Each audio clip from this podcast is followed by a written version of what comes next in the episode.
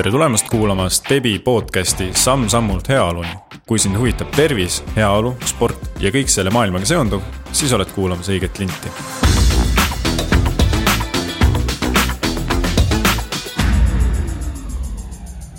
praeguseks siis tervitus Stebi podcastist, mina endiselt Ott Blum ja minuga on siin täna Mati Arend, kes on eh, nii füsioterapeut, eh, jagab tartusiga, tarkusi ka koolitustel ja on abiks nii tippsportlastel kui noortel tulevikutähtedel. Äh, tere, Mati. tervist. teeks sellise klassikalise alguse, et, et mina ei eksiks, et Mati, millega sa igapäevaselt tegelikult tegeled ja kuidas sa spordimaailma või tervisemaailmaga seotud oled? no nii nagu sa mind tutvustasid, et äh, ametilt olen ma siis füsioterapeut ja igapäevaselt ma siis tegelen äh, äh, inimeste valude vabaks aitamisega, et peamine, miks inimesed pöörduvad füsioteraapiasse, on ikka see, et kuskilt, äh, kuskilt valutab. nii et äh, kaela, pea, seljavalud on siuksed peamised grupid, kellega me ja mina siis äh, füsiotsentumis tegutsen.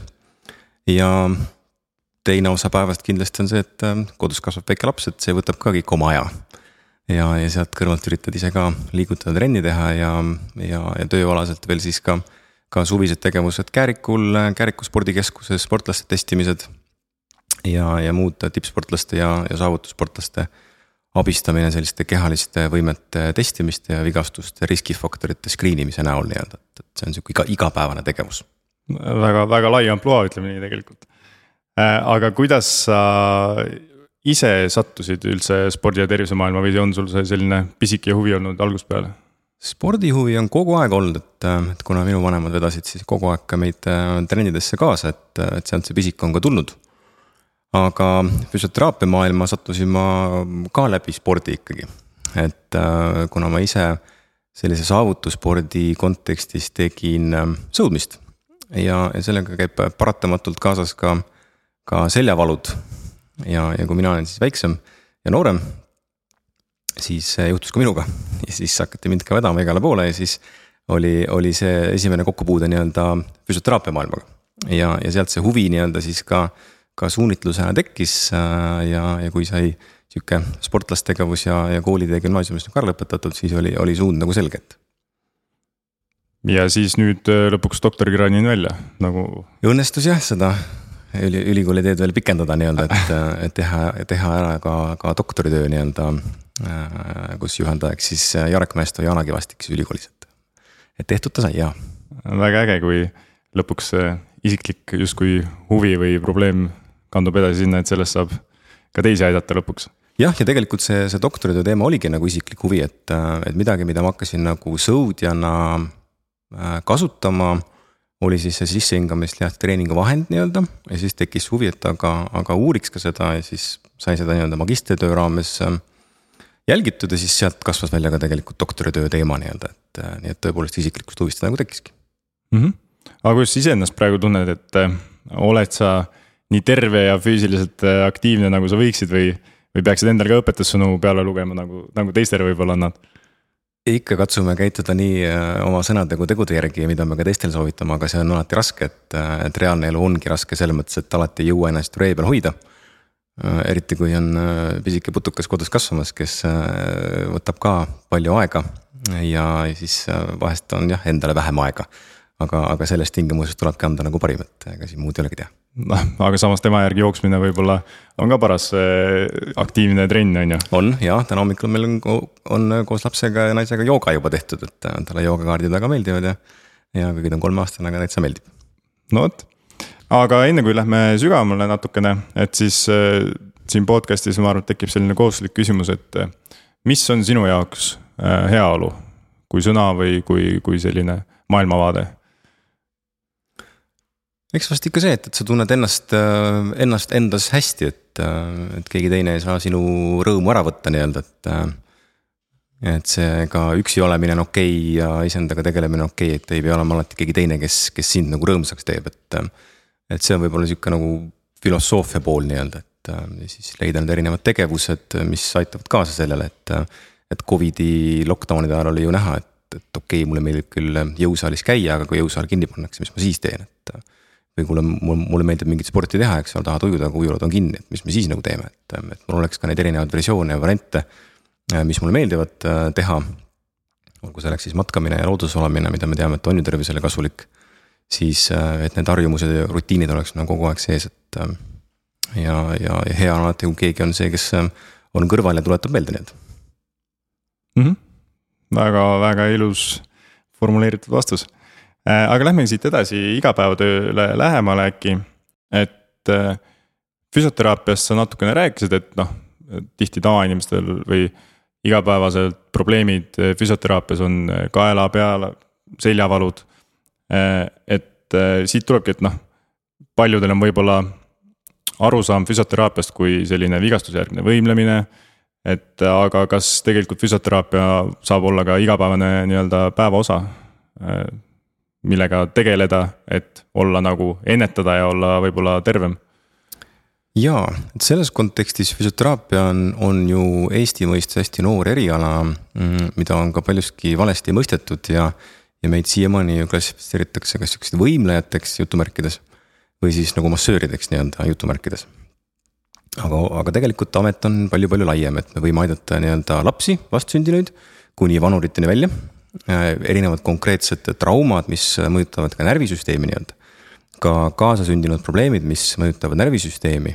Ähm, samas me saame aidata ka ergonoomilise nõuga näiteks äh, istuva töö esindajad, sundasenditega tööde tegijaid, ähm, tehasetöölisi, kõiki muid konsulteerida ka sportlaste treeneritega, abistada neid, nõustada neid, et, et see, see võimaluskond on, on selles mõttes ikkagi väga-väga lai. ja, ja eks, eks selles osas olen, olen ka mina üritanud natukene kaasa aidata, et ähm, ka enda erialase täienduse osas on, on mul olnud võimalik nagu rännata igal pool maailmas ja, ja olen ka Eestis korraldanud Tartus äh, mitmeid koolitusi äh,, täiendkoolitusi, konverentse just, et seda füsioteraapia taset nagu tõsta et, et me jõuakski palju rohkemateni kui ainult see hommikuvõimlemine, mis tuleb Vikerraadios, mis on väga tore, eks ole. aga tõepoolest ka need erinevad sellised äh, minu jaoks vajalikud harjutused, mis on spetsialist nii-öelda soovitanud, et need võivad olla ka näiteks hammaste pesu ajal tehtavad asjad. Et mitte niivõrd ma võtan aega hommikuvõimlemiseks, vaid võin teha ka pausiks tööpäeva jooksul. et need ongi osa minu heaolus nii-öelda või, või selle inimese heaolus, et, et väiksed asjad töötavad. väiksed asjad ja lihtsad asjad töötavad, et see on see, see võib-olla märksõna, mis äh, võiks olla kuskil ekraani peal väikse kollase lipikuga kirjas, et mm. -hmm. nii et sisuliselt äh, ka sisse töötada võib-olla head rutiinid oma igapäeva jah, ega ma oma patsientidega olen alati seda võrdlust, et hammaste pesemine on nagu ilgelt lihtne, et aga enam ikkagi ei taha seda teha, et, et ei võta palju aega. ütleme, et keskeltläbi kaks minutit päevas ja kõik teavad, et see töötab jube hästi et hoida nagu suu ja hammaste tervist, eks ole. ja igav ta on, aga, aga see kõik ei peagi alati olema huvitav ja, ja erinev, et, et töötada jah, sest äh, hiljem tagajärgedega tegeleda on tegelikult palju keerulisem. ja sellest saavad ju kõik aru, eks ole. ja enne teada ei saa, kui juba probleem käes ei ole, on ju. Just. loodetavasti iga asjaga niimoodi muidugi ei pea testima piire, et kus see probleemi ja, tuleb. aga, aga meie keha mõttes on, on see nagu hammaste pesemise võrdlus on, on hea lihtsalt hambad lagunevad kõvasti kiiremini, kui meie kehas teatud vaevused välja tulevad, et noh, oletame, et sina ka ei viitsi siis oma harjutusi teha ja. ja trennis ka ei viitsi käia, jooksmas ja kõndimas ka ei viitsi käia, noh, ega midagi ei juhtugi, võib-olla isegi paar aastat. aga mingi hetk hakkab igalt poolt vaikselt järgi andma ja siis keegi kutsub sind, ähm, et ole hea, tule aita mul auto välja lükata lumest. Ja siis sa päästad kanna kõõluse näiteks ära või, või kutsub sind kolima oma seda Estonia Deep Laverit viiendale ilma liftita trepikotta, et, et siis sa tõmbad selja ära ja nii edasi, nii edasi et nad tulevad siis välja nii-öelda mm. -hmm. täitsa arusaadav, äh, juba on äh, endalgi tunne, et kui jääb pikem paus sisse, siis äh, esimene viga läheb välja. tuleb hakata tegelema, sellepärast et noh, lihtsamaks asi ei lähe, olgem ausad. aga kellega sa igapäevaselt kõige rohkem ikkagi tegeled? mina tegelen kõige rohkem tavainimestega. ei, ei heas ega halvas mõttes ähm, ja, kellel on siis tegelikult seljavalud, et äh, ja just siuksed äh, minu spetsialiteet on tasapisi suundunud sinna, et need pikaaegsed püsivad kroonilised seljavalud nii-öelda, et äh, see on ka mul kus ma töötan ka ülikooli kliinikumis, siis kus me teeme ka sellist rühmateraapiat koos kliinilise psühholoogi ja, ja taastusraviarstidega, kus meie peamine kontingent ongi tegelikult sihuke pikaaegne püsiv krooniline valu. ja, ja neid ma näen ka oma erapraksises laias laastus ikkagi enamuses nii-öelda üheksakümmend protsenti on siis seljavaluga patsiendid mm. -hmm. nii et see võib natukene öelda, et see on keskmise eestlase kõige suurem või levinum mure? see on ka maailmas kõige levinum mure. et teatav statistika ütleb meile et, et üheksakümmend kaheksa protsenti elanikkonnast maailmas tunneb mingi hetk oma elus väga tugevat seljavalu. mis osadel, uuem statistika ütleb neljakümnel protsendil, muutub krooniliseks ja see on selles mõttes ajas muutunud. kui mina mõtlen, et ma olen nüüd töötanud peaaegu viisteist aastat füsioterapeudina, peaaegu et see krooniliseks muutumine, see protsent on meil suuremaks läinud ja see on ilmselt ühes kontekstis seotud jah sellega, et üldine populatsioon, elanikkond liigub vähe. rääkimata sellest, et treenib vähe, pingutab vähe. ei esita selliseid äh, piisavaid väljakutseid oma, oma keha ja vaimu jaoks, et äh, oleme sellises pehmes mõnusas mullis, kus äh, lihtne on asju tuua ja viia. aga oma, oma vaimule ega kehale siis sellist väljakutsuvaid tegevusi ei, ei tee, et vahepeal nälg ei näpista ja ja vahepeal ei pea pingutama pikemalt. nii et tegelikult see liikumise, ütleme, sellega kaasnevad ka rasvumise ja istumise probleemid, et neid tegelikult lihtsalt eh, ei võimendata, vaid need ongi tegelikult rohkem kasvanud. ja see on selge, seda näitavad enamikud uuringud. et see kahjuks on fakt mm. -hmm. ja noh, ise selles maailmas natukene ka olles, et siis teavitustööd küll tehakse, aga mis sa arvad, kas see on piisav praegu või, või või kas inimesed jõuavad jaole enne, kui on hilja? ei, ei., et teavitustööd tehakse, täiesti nõus, äh, infot on palju, aga infosegadust on ka palju. Et äh, tänapäeva sotsiaalmeedia on ju see, et infot äh, iga sekund ju tuleb juurde ja, ja see, mis enne tundus, et peab paika, siis keegi influencer võib selle ümber lükata. ja me ei suuda kontrollida, kas see on siis õige info, ehk et ka tavainimene ei suuda ju aru saada, kas see on õige info, mida ta siis räägib. õiged soovitused, noh, see, see kloori teema on ju sihuke levinud äh, näide. et. Karm, aga, karm, aga tõsi jah. just, et mittetervislik näide nii-öelda. aga siis ongi täpselt see, et inimesed mingil määral lahterdavad, et on arstid ja siis on füsioterapeudid ja siis on ka nii-öelda tänapäeval doktor Google ja kõik mm muu. et, et miks üldse inimesed peaksid füsioterapeuti võib-olla nagu kuulama või nõu võtma, et äh, nüüd iga päev tõsta viis korda vasakut jalga ja viis korda paremat jalga, et sul hakkaks parem või. või et ma saan ju selle, mingi info saan ju Google'ist kohe kätte, et miks ma pean raha maksma selle eest näiteks. Selles mõttes õige küll jah, et miks sa seda raha pead maksma, väga loogiline küsimus, eks ole. aga, aga nagu ma ütlesin juba enne, et, et seda Google'i infot on raske õigsuses kiiresti kontrollida. ja, ja see info, mis sa saad, on seal enamasti üldine mitte spetsiifiline, aga, aga me suudame siis noh, näiteks kasvõi sind spetsiifilisemalt hinnata, et mis on sinu see vaevus või probleem. et mis on selle põhjustaja ja, ja siis suuta tegevustega minna spetsiifilisemaks kui ainult see ühe jala või teise jala tõstmine, et mida ma saangi Google'ist, et. et üldised soovitused, aga aeg-ajalt on vaja spetsiifilisemalt teha. et kui me võtame ka näiteks nende alaseljavaludega patsiendid, siis äh, väga paljudel juhtudel siis on soovitused küll sellised äh, saadud, kas siis mõnelt treenerilt või, või perearstilt või doktor Google'ist. aga tegelikult me näeme, et on vaja kordades rohkem teha. on vaja kordades raskemalt teha, et saaks seda muutust, äh, mis teda aitaks nii-öelda. Ja, ja muidu tekib siis sellel inimesel see tunne, et näed, ma võtan küll mingeid soovitusi, kas siis doktor Google'ist või kellegi teise käest, aga see ei tööta, see ei aita. ja siis nad tulevad selle ree pealt maha, et noh, tegelikult see liikumine ei aita et siis ongi ainult need ravimid ja, ja sihuke valu vägistavad tegevused ja muud asjad, et sest ju liikumine ja harjutused ei aita mm. täiesti selles suhtes loogiline ja noh äh, füsioterapeut justkui ju tegelikult on kõrval, kes analüüsib ja jälgib progressi siis ka tegelikult, et. jah, ja sellepärast peakski olema nagu külastus ka regulaarne, et noh, umbes ju jällegi see hammastepesu analoog ja hambaarsti külastus, et. et korra aastas või vähemalt üle kahe aasta võiks ju käia, et hinnata seisukorda, et jah, sa näed peeglist oma hambaid aga sa ei näe sinna tahapoole ja sul ei ole seda toredat väikest peeglit ja nii edasi, et. et keegi teine annab ka hinnangu objektiivsemalt, mis see seis on. Et me ise hindame kahjuks ikkagi subjektiivsemalt ja, ja, ja mitte selles osas, et, et ma olen ikkagi kehvem. vaid ikka arvad, et oled parem. jah, see on selline analoog spordiväljakutel, et kui kunagi olid ikka tipus ja siis kakskümmend aastat hiljem hakkad lapsega palli mängima, siis sa arvad, et sa oled endiselt superstaar. ja seda me näeme ju praegu ka harrastusspordis päris palju, et äh, jooksuüritused, rattaspordiüritused, äh, harrastajate tennise, sulgpalli, korvpalli, jalgpalliturniirid, et ei valmistata keha ette. Et sellised nädalalõpu sulgpalli, tennise, jalgpalli, saalijalgpalliturniirid ongi need kohad, kus neid kannakõõlusid relvestatakse. just täpselt selle sama asja pärast, mis sa rääkisid, aga ma ju kunagi tegin kümme aastat tagasi, viisteist aastat tagasi, aga enam pole ju teinud. ja siis nüüd mängid kolm päeva järjest väikeste juppidena ja siis käib plõks ehk siis võib öelda et, et üheksakümmend protsenti peaks olema hoopis ettevalmistus ja kümme protsenti see päris pingutus on ju. just nii jah. jah, aga ei, kõik tahavad ikka maksimumi äh,. aga kuna nüüd ongi, rääkisime natuke sellest äh, guugeldamisest ja kõigest muust ka internetimaailmast. et äh, millega peaks üldse füsioteraapiasse pöörduma või noh, vahepeal ikka küsid sõpradelt nõu, et kuule, mul see valutab, sul ka valutas, mis sa tegid või, või guugeldad, et äh, ah, see polegi nii suur mure võib-olla. et kas kas on olemas selline piir, millest alates äh, tasub pöörduda kindlasti füsioteraapiasse?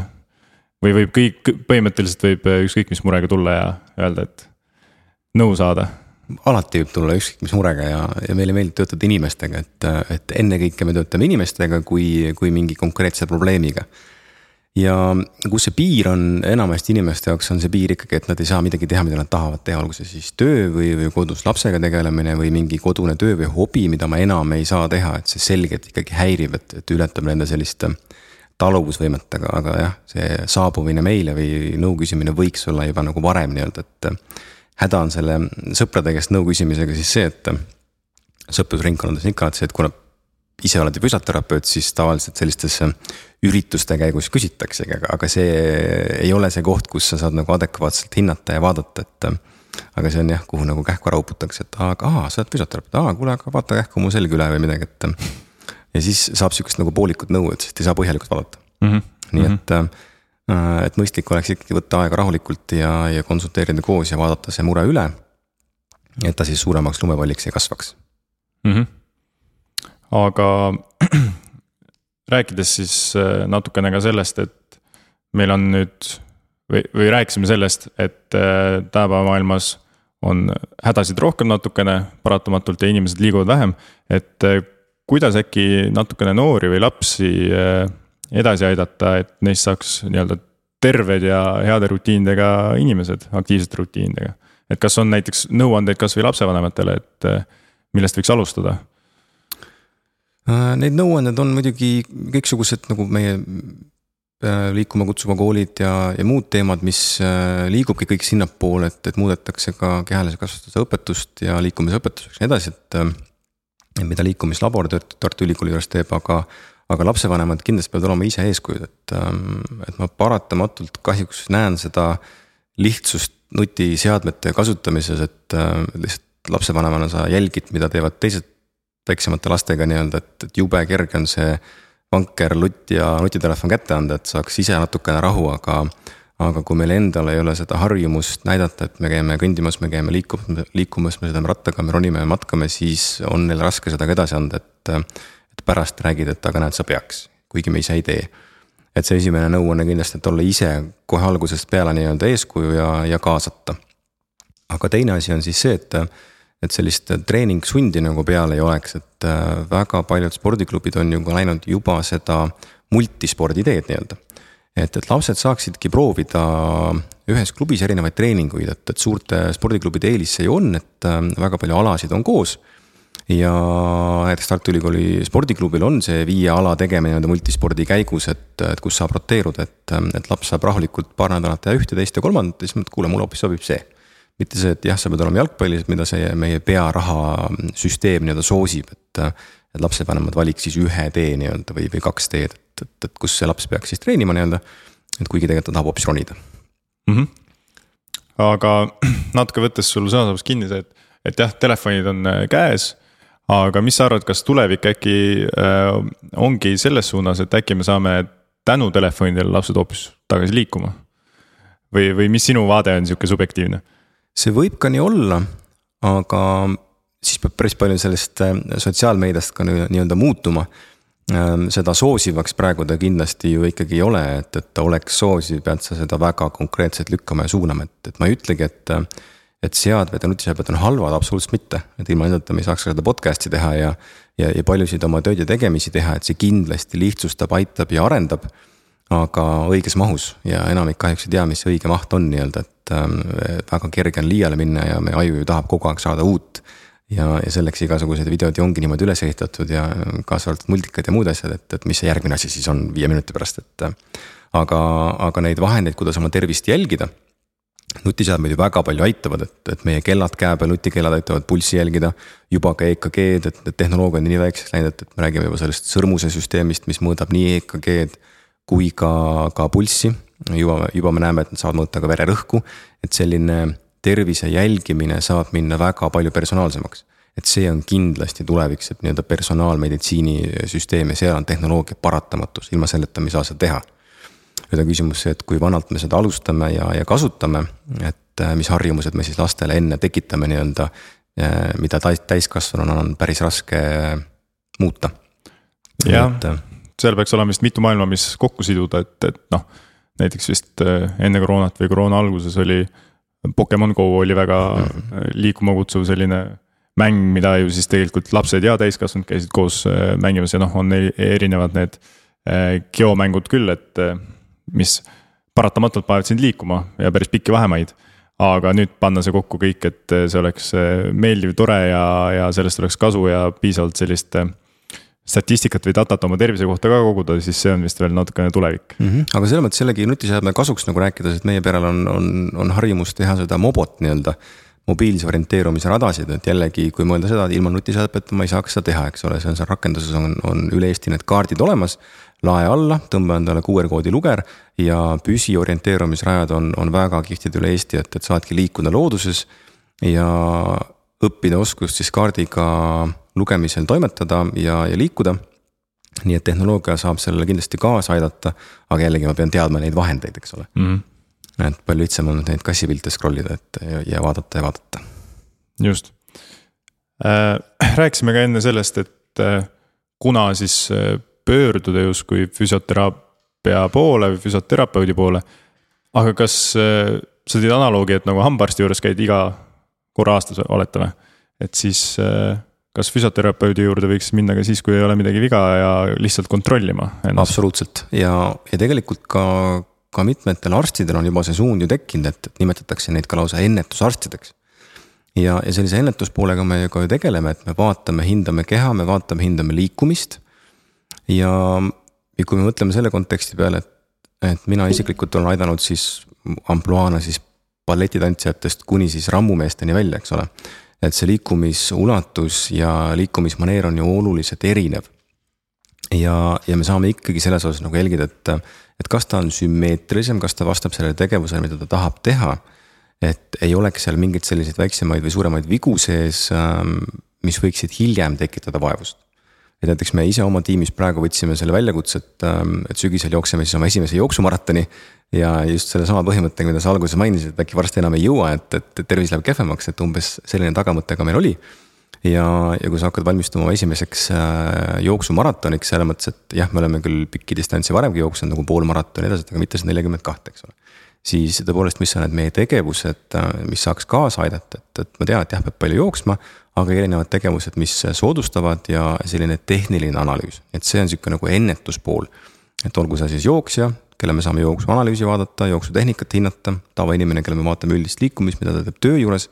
et kas seal on midagi, mis võib tekitada talle näiteks kaelavalusid, et kui ta teeb seda pidevalt. et kui me siin ka tippkokkadega arutame neid ja soovitame siis ergonoomilisi nõuandeid et just miks need kaelavalud tekivad, ongi seda palju allavaatamist, aga seal on teatavad nüansid, mida saab siis nii-öelda sisse viia. et et ähm, seda riskifaktorit vähendada mm. -hmm. aga kui liikuda edasi natukene sinu siis äh, või spetsiifilisemaks äh, ehk siis sportlaste juurde ja, ja võib-olla sinu teadustööde juurde ka. et äh, sa teed praegu ka teaduspõhist arendustööd nii-öelda tippsportlastega. jah. jah, aga on sul mõni näide, et kellega ja mida sa umbes praegusel hetkel äh, nii-öelda krutid juurde, et, et saaks parima tulemuse mm,? konkreetseid nimelisi näiteid me ei saa ei, ju selles mõttes tuua. seda pole vaja, aga jah, just, et äkki spordialaliselt või, või selliselt äh, spordispetsiifiliselt mm. -hmm. et meil on selliseid koostööprojekte päris palju, et nüüd siin nädala pärast tuleb meil ka käsipalli talendilaagri käigus testimine, kus me oleme aastaid juba vaadanud ja aidanud neil hinnata ka sellist õlajõu näitajaid. Ähm, kere ja õlajõu näitajate suhet omavahel, sihuke hüppevõimeid erinevaid riskifaktoreid, kuna me teame, näiteks käsipallis on palju neid põlve eesmisristade vigastusi, mis lõpetavad tüüpiliselt juba karjääri, et neid aidata ennetada. aga kui me räägime siin ka rattur, ratturite konteksti, äh, siis väike kõrvalepõige minu nii-öelda doktoritöö teemasse või minu teadustöö teemasse, mis on see sissehingamislihaste treening. siis see on selles mõttes hästi huvitav, et see on see ühe protsendi teema. et jah, ma pean äh, tippsportlasena küll palju treenima, aga mingid nüansid, kus ma saan selgelt juurde ja eriti kui mõelda praegu siis selle Tour de France'i ähm, selle ulmelise time trial'i peale, kus äh, siiani spekuleeritakse, et kas see ikkagi oli nagu võimalik või äkki ikkagi oli mingi mootor kuskil sees seal, et noh. mis on tegelikult idiootne juba mõelda. aga alati tundub liiga hea, et olla tõsi ja, ja seal on küll sellised tegevused näiteks, et, et kui me räägime sellest sissehingamist, lihaste treeningust nii-öelda et ähm, osad sportlased teavad, enamik ei tea seda. Äh, osad on seda kasutanud, on nagu natukene, aga, aga vähe on selgitatud, miks seda peaks tegema, et, et treenerite teadlikkus on nii-öelda vähene sellest. aga samas uuringud näitavad, et, et sa võid ka sellist ähm, sama time trial'i soorituse parandada ligi viis protsenti. ja, ja kui seda lubada, siis see on juba nagu ulmeline see on spordimaailmas kalender ikkagi. jaa, täpselt ja et lisada siis, kui ma kõik muud asjad oma treeningus ära teen, et kuidas me näiteks võiks võtta spetsiifilist sissehingamislihaste treeningut oma rutiinidesse sisse, olgu see siis äh, treeningueelne soojendus. olgu see siis lõikude vaheline nii-öelda see cool down, lõdvestus või siis igapäevane treening sellega, et me räägime siis nii-öelda jõutreeningu poolest. aga, aga jalgpalli kontekstis äh, samamoodi, et, et me suuname nii-öelda just seda jõutreeningu poolt nii-öelda sest äh, me hetkel näeme küll, ütleme viimase viie aasta konteksti, et, et selline jõuvõimete potentsiaal just noortel on, on selgelt nagu langenud, et sellega ei tegeleta. ehk siis sealt võivad ka tekkida järjekordselt äh, edasised mured, ütleme nii, kui keha ennast ei hoia, siis on. just. oht, oht suurem. aga kui keeruline on siis tänapäeva spordimaailmas tegelikult seda millisekundit või meetrit nagu võita? et kas, kas äh, ilma teaduseta enam geenidega ei ole võimalik seda teha või, või on, või ongi ainult teadusega saab ainult edasi minna mm,? ikka on võimalik seda, kui see üks talent nii-öelda leitakse, et, et ju öeldakse ka Usain Bolti kohta, et ega ei pruugigi järgnevad viiskümmend aastat sellist enam tulla, et. et see üks tuleb üles leida, Usain Bolti näitel ka, et sattus väga heasse keskkonda, kus treenida. et see asi nii-öelda avalduks, aga ega tal ka see kergelt ei tulnud ähm, et noorteklassis ju ka korduvad reie tagaküljevigastused, et sealt nii-öelda välja kaevas, nõudis tööd, tööd, tööd. Äh, ootas, kannatas, tegi ära ja, ja sai oma ju siiamaani kehtivad ulmelised tulemused, et, et avaldus siis see talent nii-öelda. nii et äh, teadus kindlasti saab sellele kaasa aidata, aga ei asenda kõiki muid tegevusi ja selle enda sportlase sellist äh, pingutamist ja, ja võib-olla siinkohas ma tahaks nagu võib-olla mainida seda, et et ma paljudes kohtades ka näen seda, et, et kus nii füsioterapeudid kui arstid kasutavad seda tippsportlast nii-öelda ära.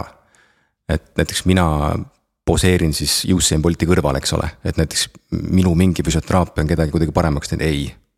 ei, aga see on nagu ärakasutamine ja, ja selles mõttes seda ka praegu uuritakse teadustööde mõistes, et, et kui palju siis selliseid äh, tervisespetsialiste äh, kasutab sportlased ära, kas nad teavad sellest üldse? et kasutavad nii-öelda varjatult reklaamina, justkui see äh, tegevus, mida siis teraapiale tehakse, teeb kellest, kellestki nagu olümpiavõitjat, ei tee, et see, see raske töö enda füüsise ja just vaimuga on siis see, mis viib seda sportlast edasi ja meie saame ainult teda natukene aidata sellel teel nii-öelda. et olla talle abiks, et, et aga, aga selline ärakasutamine on jah, mida me päris palju näeme ja see nagu ei meeldi väga, et.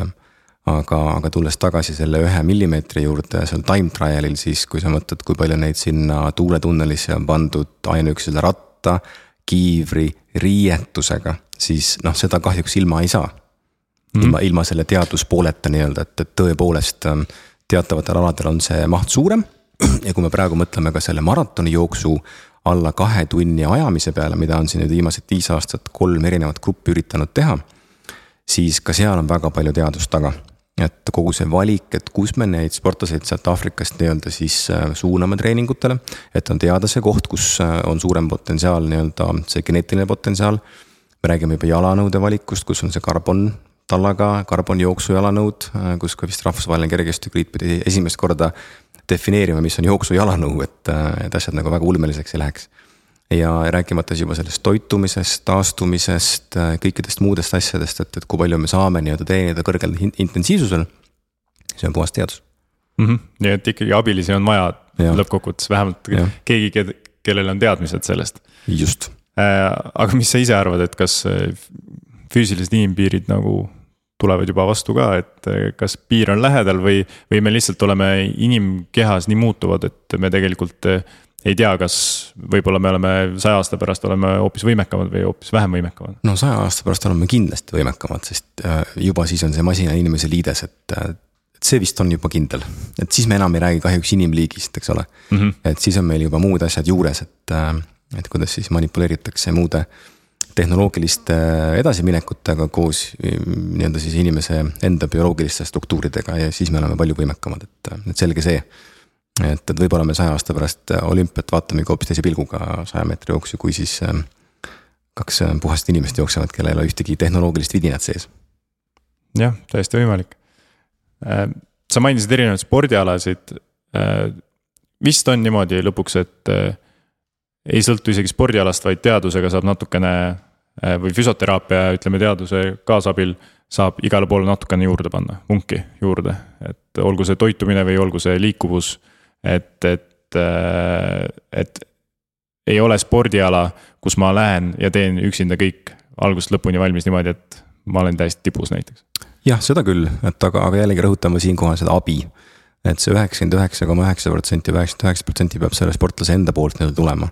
Et see tahe, soov ja, ja vajadus ja, ja siis me saame aidata tõepoolest, et kui sa oled odaviskaja. et saada see liikuvus õlas veidikene suuremaks, et et seda vibu nii-öelda vinnastada, et sealt tuleks siis see võimas äh, vise. Äh, või, või oled sa jooksja, et teha seda sammu pikkust natukene või see kaks millimeetrit pikemaks, et selle osas me saame küll erinevate selliste teraapia vormidega, mida lisada treeningule juurde, kindlasti aidata nii-öelda, aga kui me korraks aitame, ta ise ei taha teha, siis ei ole ju mingit vahet, eks ole mm, -hmm. et. Et, et see ongi meie abi koos siis peamiselt selle sportlasega nii-öelda mm. -hmm aga tulles siis natukene ka noorte juurde tagasi, et äh, kui varakult justkui noortele saab panna seda mõõtmist ja kõike muud nagu külge, äh, näiteks füsioteraapia mõttes või füsioterapeudid saavad nagu aidata. Või tegelikult tuleks lasta lihtsalt äh, noortel mingi vanuseni joosta, proovida, hüpata ja siis mingist hetkest alles lähed nagu teaduspõhiseks ja alguses kindlasti julgelt see kümme kuni kaksteist vanus on see, et, et sinnamaani võiks lasta teha kõike. et oma isu täis teha ja, ja selline liikumisraamatukogu võimalikult suureks ja laiaks teha. et, et oleks millegi peale ehitada pärast, kui tahad spetsialiseeruda. aga meie oma sellised kehalise võimete testimisi teeme alates jah, kaheteistkümnendast eluaastast. Sest osad spordialad nagu näiteks ujumine, iluvõimlemine lihtsalt alustavad varem. seda spetsialiseerumist lõpetavad ka varem oma spordi vanuse mõttes sellise tippspordi tegemise. et seal me juba alustame nende tegevustega harjumisega. et see ei tähendagi, et, et, et sellised mõõtmised või sekkumised võiks äh, midagi kohe konkreetselt muuta. vaid see ongi selliste rutiinide ja harjumuste õpetamine, et nendega kohaneda, et hiljem osata neid siis ära rakendada ja on siis hiljem võimalik jälgida ka mingit dünaamikat mm. -hmm selge, aga liigume edasi äkki siis äh, sellise nipi nurga juurde, et, et, et äkki millestki, mis sina saad täna meile edasi anda, et on sellest abi mulle, kahekümne seitsme aastasele, võib-olla mõnele kuuekümne seitsme aastasele. et näiteks, mida peaks inimene igapäevaselt silmas pidama, kui me räägime igapäevarutiinist või liikumisest mm? -hmm. no meil on sihuke selles äh, meie ülikooli kliinikumi juures tehtavast grupist meil on sihuke üks fiktiivne tegelane nagu Mari, et ärgu siis keegi tundku, kes on Mari ennast halvasti, lihtsalt ilus nimi. ja, ja Mari teeb tihtipeale mm, liiga palju asju, äh, mis on seotud sihukeste igapäevaste tööde ja tegemistega oma, oma aiaga ja muude asjadega. Äh, ja siis tema hägi, ägiseb pikalt oma selja häda, sest kiirutas rohis, tegi kõike muud, aga talvel selleks ette ei valmista. nii et sellised üldised kehalise liikumise vormid, mida me suudaksime ära täita täiskasvanute liikumissoovitustega. et väga paljud ei teagi neid täiskasvanute liikumissoovitusi, mis on siis WHO poolt juba ammu-ammu-ammu antud. ehk et kas ma saan nädalas kätte sada viiskümmend minutit aeroobset treeningkoormust. Ükskõik, kas ma ujun, rullitan, jooksen, sõidan rattaga, kõnnin, teen kepikõndi, mul ei ole vahet. kas ma saan selle kätte? ja kas ma kahel päeval nädalas saan kätte ka jõutreeningu, et mida me klassifitseerime siis lihastreeningu alla olgu selleks siis ähm, pilates, jooga, bodypump'id, oma keharaskusega treeningud, mis iganes, kus ma kas venitan lihast tugevalt või pingutan lihast tugevalt lisatakistusega, milleks on siis kummilindid, hantlid, kettad, sangpommid ja nii edasi, nii edasi. ehk et kui praegu on meil äh, kolmapäev ja kui ma pühapäeval seda enda käest küsin, siis kas ma saan kaks linnukest teha, ehk et sada viiskümmend minutit nädalas kehalist liikumist nii-öelda aeroobses treeningtsoonis või siis jõutreeningut kahel päeval nädalas mis on orienteeruvalt siis kuskil pool tundi kokku äh, nii-öelda ühel korral ehk et circa kuuskümmend minutit korraga. et kas ma saan seda regulaarselt kätte, okei okay,, see, et sa lähed ühe nädala puhkusele, siis tee, see on arusaadav. võib-olla ka kaks nädalat käid puhkusele, see on arusaadav. Aga, aga ülejäänud see kolmsada viiskümmend päeva aastas, et kas ma saan selle regulaarselt kätte. et võib-olla see on selline kõige suurem võtmesõna, et, et mis see üldpilt laias laastus aasta lõikes nüüd on. ja enamik kahjuks ei saa seda kätte, et mm. -hmm. kurb muidugi, sest tegelikult see. aga meie oleme jällegi õnnelikud füsioterapeutidena, sest see hoiab meie tööd absoluutselt aga, aga lihtsalt eh, paberi peal see ei tundu palju, aga ei ilmselgelt tundu. selle jaoks aega leida äh,. esialgu võib-olla otsida täpselt samamoodi äh, informatsiooni, teadmisi, et kuidas endale sobivat asja teha et see võib-olla on juba esimene samm, mis, kus komistatakse. -hmm. ja, ja teine nipinurk, kui mõelda siit edasi, on nüüd see, et kui ma peast mäletan, siis hiljuti tuli Taani uuring välja, Taanis siis vist tehasetöötajatel tehti seda, kes, kes teevad sihukest manuaalset tööd. ja, ja seesama lihastreeningu kontekst, et, et nad tegid väikeste juppide kaupa päeva lõikes tööpäeva sees harjutusi oma keharaskusega, võib-olla vahepeal lintidega, vahepeal mõne raskusega, sihuke minut-paar korraga, aga läbi päeva ja igapäevaselt niimoodi, noh see viis päeva nädalas tööpäev. ja, ja tulemused olid sama edukad nagu need inimesed, kes tegid kahel päeval nädalas pool tundi korraga, järjest asju. nii et väikesed jupid töötavad väga hästi. Äh, tööpäeva lõikes väikestes osades teha teatavaid harjutusi, mida näiteks keegi on soovitanud. kasvõi mina või keegi teine füsioterapeut ja, ja neid siis nühkida, mhm. hambaid mm -hmm. nühkida. ja, ja töötab väga hästi tõesti, selles suhtes, et leida kaks korda nädalas kolmkümmend minutit äh, tundub hullem kui. või iga päev kaheksa minutit. täpselt, et see kaheksa minutit, olgem ausad, ma ei usu, et keegi saab tugevalt vastu väita, et tal ei ole seda. jaa, aega, et, et.... aga vaata jällegi kurb on see, et, et me peame nagu maha müüma vähemat aega, et inimesed tegema hakkaks, et noh, sellele teaduslikku tõestust leidma, et tõepoolest see ka nagu aitab. et me ikkagi vaikselt jõuame sinna, kus me üritame võimalikult vähe pingutada. jah, ja eks inimene peab ise kõige rohkem uskuma. ja nagu sa ka enne mainisid, et tegelikult teeb kogu töö teeb inimene ära, et äh, füsioterapeut ei saa piitsaga taga käia ja sundida. Kuigi võiks ju, eks ole, aga, aga jah, ei saa aga, aga võistlustel ei saa piitsaga taga olla, jah. no vot, aga siitki äkki siis küsimus, et äh, kuidas pöörduda füsioterapeudi juurde, et kus see kõige lihtsam tee on võib-olla, et mõni arvab, et äkki perearsti kaudu, mõni võib-olla ei tea, et saab ka otse pöörduda ja, jah, lihtne mulle kirjutada, eks ole, helistada, aga, aga tõepoolest on siis äh,. Haigekassa süsteemis on täpselt samasugune rida, et, äh, et sa pead panema siis äh, aja perearsti juurde ja perearst suunab siis taastusraviarstile. ja taastusraviarst siis suunab füsioteraapiasse. perearstidel on ka nii-öelda teraapiafond, et saavad suunata otse füsioteraapiasse, maksab siis jällegi haigekassa nii-öelda äh, ja nüüd vist läheb otse Äh, perearstilt see tasumine ja kolmas on tõepoolest siis ähm, erapraksised, erameditsiin nii-öelda, kus saab otse pöörduda füsioterapeudi poole ilma ühegi saatekirjata nii-öelda mm.. nii et variante on erinevaid, sõltub, kui kiire inimesel oma murega on äh, või, või mis valdkonna murega on nagu tegemist, et, et kui on tegemist sihukese neuroloogiliste vaevustega, mis on ju eluaeg, eks ole, Parkinsonid ja ja, ja multiplexid ja muud asjad, et, et noh, seda me ei lahendagi ju ära, et see on sihuke pikaaegne püsiv asi, et, et siis on füsioteraapia ju teistsugune, et siis ongi see riiklik süsteem nii-öelda mõistlik, et mm. -hmm. ja siit ka võib-olla väike soovitus või mõttetera, et äh, kellele pakub tööandja tervisekompensatsiooni, siis äh, tihtipeale füsioteraapia on ka äh, kompenseeritud, ehk siis igakuiselt, kui te muidu ei leia endale mingit väljakutset või tegevust selle eest, siis miks mitte ära kasutada seda hoopis äh, tervise kontrolliks või, või millegi arendamiseks.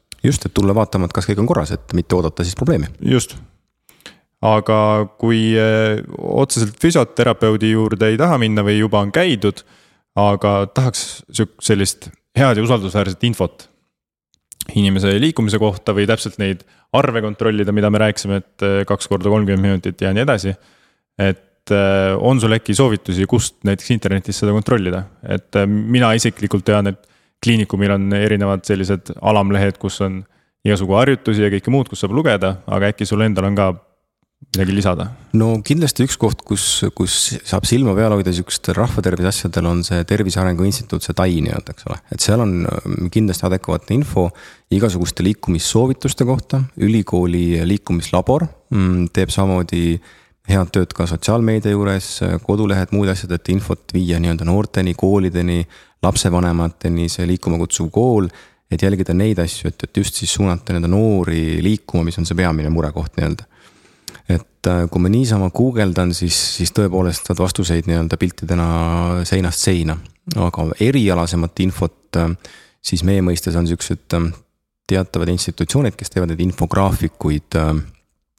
kus on sellise teadusinfo lühendamine ja kokkuvõtmine, et need on sellised head kohad, kus saab ka erialast infot nii-öelda, et füsioterapeudid, füsioterapeudi poole nii-öelda, et. ja, ja lisaks kindlasti ka veel Eesti Füsioterapeutide Liit nii-öelda, et täpselt samamoodi, et et konkreetsemad institutsioonid, kus saab olla kindel, et see info on filtreeritud nii-öelda mm. -hmm. mis on tänapäeva maailmas ülioluline. aga ka väga keeruline, et kui nüüd mõelda seda ai tulekut, et, et see läheb päris keeruliseks. jah. võib minna, tähendab. arvatavasti läheb ikkagi, et eh, kombineeritud info, mis hakkab sulle masin välja andma, võib olla ikkagi väga võib-olla väga hea ja võib-olla ka kindlasti väga. võib-olla ka välja mõeldud. väga välja mõeldud ja mm -hmm. kombineeritud, eh, mitte isegi inimese poolt, vaid täpselt arvuti poolt. selge, aga võtaks siis viimase sellise ploki ja, ja lõpetaks ikkagi natuke äh, vabamas vormis, et äh, rääkides natuke uuesti sinust äh,. väike kiire selline küsimus-vastus voor äh,, midagi keerulist ei ole, aga ja kui vastust ei ole, siis lähme edasi nagu roosides üheski, et mm -hmm. ise ütled, et praegu ei tule, siis ei tule. aga alati võib ka vastust laiendada, et äh, kui on midagi lisada. Äh, esimene küsimus, mis värvi on sinu jaoks tervis ja heaolu? mis värvi mm? -hmm. sinine. sinine, kas see on seotud füsiotsentrumiga ja sinine-kollane meil on tõesti, et otseselt mitte. mis on sinu spordiala, mida alati teeksid naerul sui? Rattasõit, see meeldib hirmsasti, sest ühest kohast teise liikumine on ähm, täiesti enda teha, kui just jah, rehv ei ole katki, et. ja see on palju efektiivsem kui jooksmine. kergem. kergem, kiirem, kergem ja kiirem, et ega inimene ilmaasjata ei mõelnud äh, ratast välja, et äh, muidu võiks ju kogu jala käia. nii, on sul üks äh, äkki reisi sihtkoha soovitus ähm,? Kindlasti minu õpingute ajal jättis Austraalia kustumata mulje, et ähm, ei, ei, ei pretendeerigi, et oleks igal pool käinud, aga, aga kui vähegi saaks, siis sinna läheks tagasi kindlasti ja, ja Uus-Meremaa, et, et need on küll siuksed kohad, kus tahaks käia, et mm. -hmm. ja kes kaugele ei viitsi minna, siis Käärikule kindlasti, absoluutselt, see on küll koht, kus, kus mõnusalt aega veeta ja, ja liikuda ja süüa, et äh, toidud head, äh, tingimused head, äh, mine kohale, teed trenni äh,. on sul ka mõni raamatusoovitus äkki? raamatusoovitus, jaa kes hetkel ma loen ise veel seda äh, Enderi saagat, et äh, ma ei tea, kas kellelegi see midagi ütleb, et Orson Scott Card on siis nii-öelda autoriks, et väga-väga ammu juba kirjutatud tegelikult raamatud. aga, aga ka seal on, on siis raamatu tegelase areng jõudnud sinnamaani, kus me räägime ka sellest ai-st ja, ja sellisest sarnasest tegelasest, kes justkui arenes välja ai-st ehk et justkui tehisintellektist, aga aga põnev selline fiktsioon mm. -hmm. Läheme siis samal, sarnasel teemal edasi, äkki sul on mõni film, millest sa kunagi ei tüdine? film, millest kunagi ei tüdine, siis kindlasti äh, Sõrmuste isanda triloogia. tüdineda võib küll äh, Hobbiti triloogiast, aga, aga mitte mitte siis. on kahte leeri. jah. Äh, kas sa oled rohkem sõnumi või telefonikõne inimene? Äh, pigem juba sõnumi, aga, aga peaks olema telefoniinimene rohkem miks, miks sa nii ise ütled? sest tegelikult see sõnumineerimine võtab hirmsasti aega. et kui kokkuvõttes saaks ära teha kõnega ja kiiresti, siis aga jah, ei taha teisi võib-olla tülitada. ja, ja kuna mina enda erialalt äh, ka alati ei saa nagu kõnedele vastata, kui ma tegelen inimestega, siis jah, see sõnumineerimine on vahepeal nagu lihtsam mm. -hmm. et sa, ma arvan, et sa annad, annad isegi soovitusi teistele, et äh, midagi on, siis kirjuta. jah, just ja. täpselt, et. Hommik või õhtu? ikka hommik. ikka hommik, mis kell ärkasid?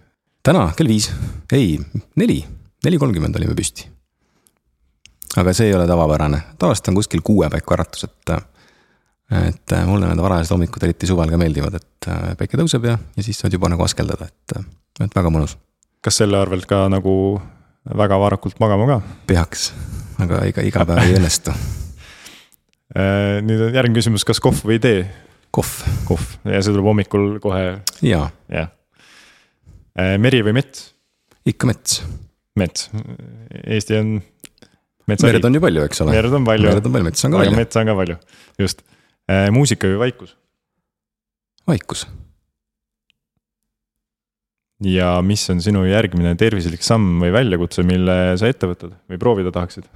Mida ma põgusalt viskasin õhku, oli äh, kahjuks peab jooksmas käima või õnneks, et, äh, et me võtsime e-, eesmärgi, et teeme siis maratoni jooksu seitsmendal oktoobril Tartu linnamaratoni raames. ja, ja see, see motiveerib praegu jooksmas käima, kaasa arvatud ka eile õhtul, et, et väga mõnus, et äh, muidu oli selline eesmärk see rattaga sõitmine rohkem, aga vahelduseks on jooksmine väga mõnus. ja väga lihtne tegevus, et pane jalga ja mine. jah, kõige raskem ongi see Balti sidumine enda näitelt vähemalt. on, aga ratta kontekst on jällegi see, et otsi see kiiver ja rattariided ja, ja, ja saad kingad jalga ja hakkad minema, siis vaatad, et peaks kummega umpama, siis hakkab juba isu vaikselt üle minema, et. Äh, sihuke vihma sadama, mis on ohtlik ja nii edasi. et jooksmine on see, et kähku tostud jalga, mine, et ja juba jooksed, siis väga mõnus, et.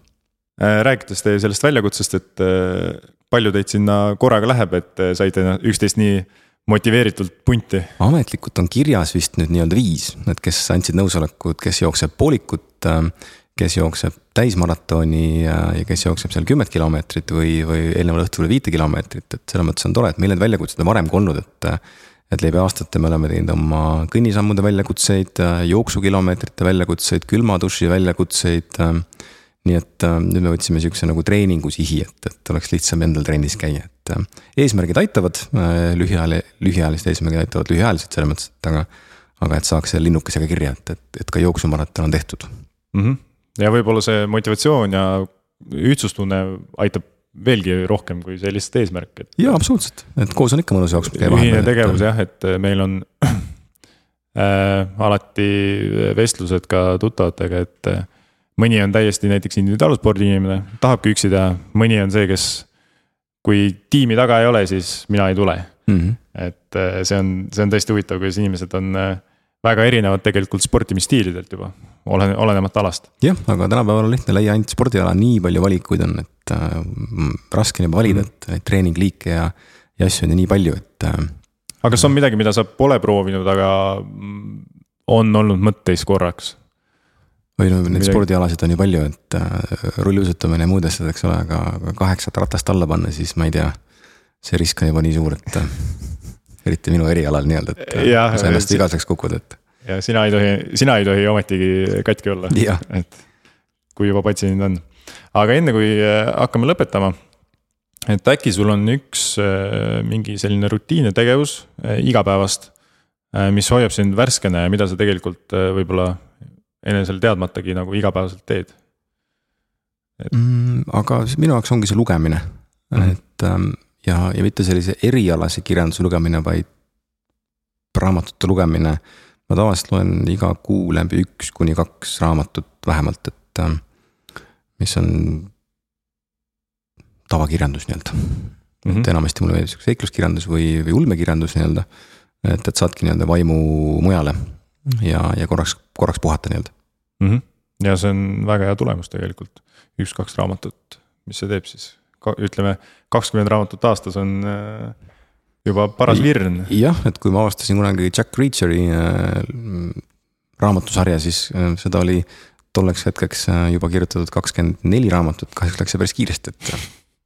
nüüd juba ei jõua ära oodata, et, tuleks oktoober, kus tuleb uus raamat välja aga kas sul on võib-olla mingi kindel rutiin ka, kuna sa loed või sa loed lihtsalt vabal hetkel? ikka pigem õhtuti mm. -hmm. õhtul on see nii-öelda vaiksem aeg, et siis on see lugemine. teleka asemel lugemine. ja meil ei olegi telekat. meil ei ole Võt, juba viimased. see on äkki... võib-olla veel parem nipp, eh, kuidas eh, leida elus uusi nurki, mida. et selles mõttes on, on lapsed on hirmsalt head peeglid, et äh, mida sa tahad anda ja mida sa oskad anda ja, ja mis on vajalik ja mis ei ole vajalik, et äh, et oma kolimiste, liikumistega, kui me telekat ei olegi, siis ei, ei näegi seda vajadust tegelikult, et äh, oma muud vajadused saad sa ju väiksematest seadmetest tegelikult kätte, et mm. -hmm. Et seda kiusatust pole jah. aga sellisel juhul minul on küsimused otsas, ma ei tea, kas sinul on praegu vaba mikrofoniga midagi, mingeid mõtteid, soovitusi veel edasi anda, mis tundus, et jäid andmata? otseselt mitte, et äh, kes, kes tunneb, et äh, tahaks abi, siis äh, meie käest saab just, et kui tunned, et liikumist on vähe ja hädad tikuvad ligi, siis ja enesetunne ei ole ka võib-olla parim, et äkki, äkki füsioteraapia ja nõustamine aitab. ja just. Mati leiate Tartus Füsiotsentrumist, nagu võib-olla juba aru saite. ja, ja ka ma ei tea, kes ülikoolis käib, siis võib-olla satub isegi tema loengusse. ja tegelikult, äh, kes tahab niisama seigelda või liikuda ja ka füsioteraapia või taastusravi Äh, külgi avastada, siis äh, Stebist leiab ka kindlasti vajalikke teenuseid. aga sellisel juhul mina olin Ott ja minuga oli Mati, et äh, aitäh tulemast. -hmm. aitäh kutsumast. Super, järgmise korrani mm. -hmm. head aega